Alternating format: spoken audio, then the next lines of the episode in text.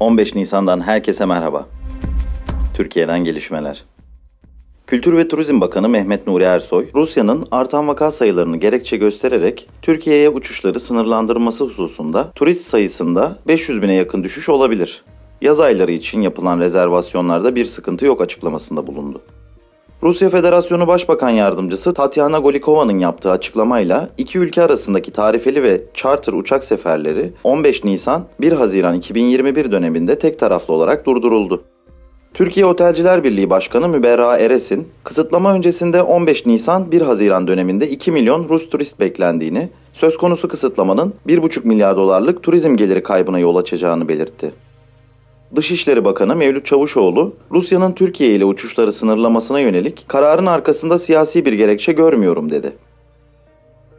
Milli Eğitim Bakanı Ziya Selçuk, 425.430 öğretmenin aşı randevusuna dahil edildiğini açıkladı.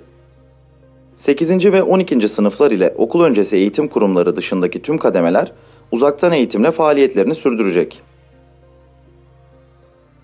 Türkiye gazetesinden Ebru Karatosu'nun haberine göre AK Parti, Z kuşağının oylarını alabilmek için yeni bir yol haritası belirliyor. Yarın açıklanacak planda gençlerin AK Parti'ye niçin oy vermesi gerektiği, eski Türkiye'nin nasıl olduğu ve 2023'ün öneminin anlatılmasına yönelik değerlendirmeler yapılacağı iddia ediliyor. CHP İstanbul İl Başkanı Canan Kaftancıoğlu, kaldırılan 128 milyar dolar nerede pankartlarının yerine bugün yenilerinin asıldığı mesajını paylaştı. Merkez Bankası rezervlerindeki 128 milyar dolarlık azalma hakkında CHP'nin hükümete yönelttiği 128 milyar dolar nerede sorusunun yer aldığı afişler dün gece savcılık talimatıyla kaldırılmıştı. FETÖ davasından hüküm giyen Ahmet Altan, Yargıtay kararıyla tahliye edildi. 15 Temmuz darbe girişiminden önce katıldıkları bir programda subliminal mesaj verdikleri iddia edilen Nazlı Ilıcak ve Ahmet Altan, İstanbul 26. Ağır Ceza Mahkemesi'nde görülen davada darbeye teşebbüs suçundan ağırlaştırılmış müebbet hapis cezasına çarptırılmıştı. Elektrikli skuterların kullanımına ilişkin düzenlemeler getiren yönetmelik resmi gazetede yayımlandı. Yaya yollarında sürülmesi ve sürücü dışında birinin taşınmaması gelen yasaklar arasında. Dünyadan gelişmeler. ABD Başkanı Joe Biden, Afganistan'da bulunan 2500 askerini 11 Eylül'e kadar bu ülkeden çekmeyi planlıyor. Çekilme tarihi El-Kaide'nin New York'ta düzenlediği terör saldırısının tam 20 yıl sonrasına denk düşüyor.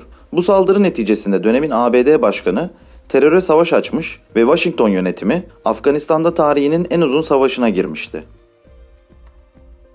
ABD'nin Minnesota eyaletindeki trafik çevirmesinde siyahi Donte Wright'ı öldüren ve ardından istifa eden polis memuru suçlu bulundu. Minnesota Polis Bürosu yaptığı açıklamada polisin ikinci dereceden insan öldürme suçundan yargılanacağını söyledi.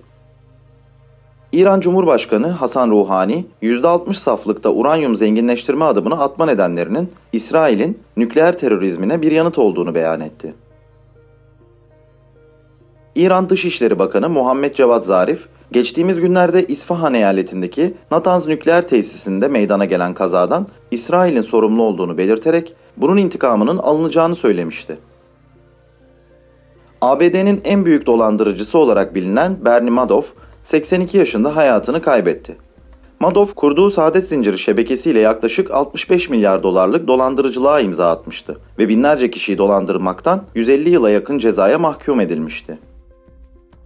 Suudi Arabistan, Ulusal Yenilenebilir Enerji Planı kapsamında 2023'e kadar yenilenebilir enerjide 10.000 megawatt kapasite oluşturmayı hedefliyor. Yenilenebilir enerji sektörünün gelişimi için 30-50 milyar dolar arasında yatırım yapmayı planlayan Riyad yönetimi, elektrik alım garantisiyle imzalanmış güneş enerjisi projelerinin kapasitesini 3670 megawatt'a çıkardı.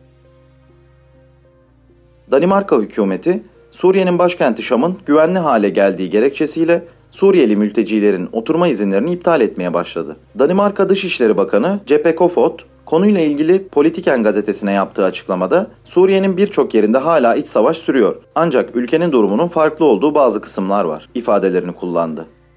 Novus'la gelişmeleri dinlediniz. Hoşçakalın.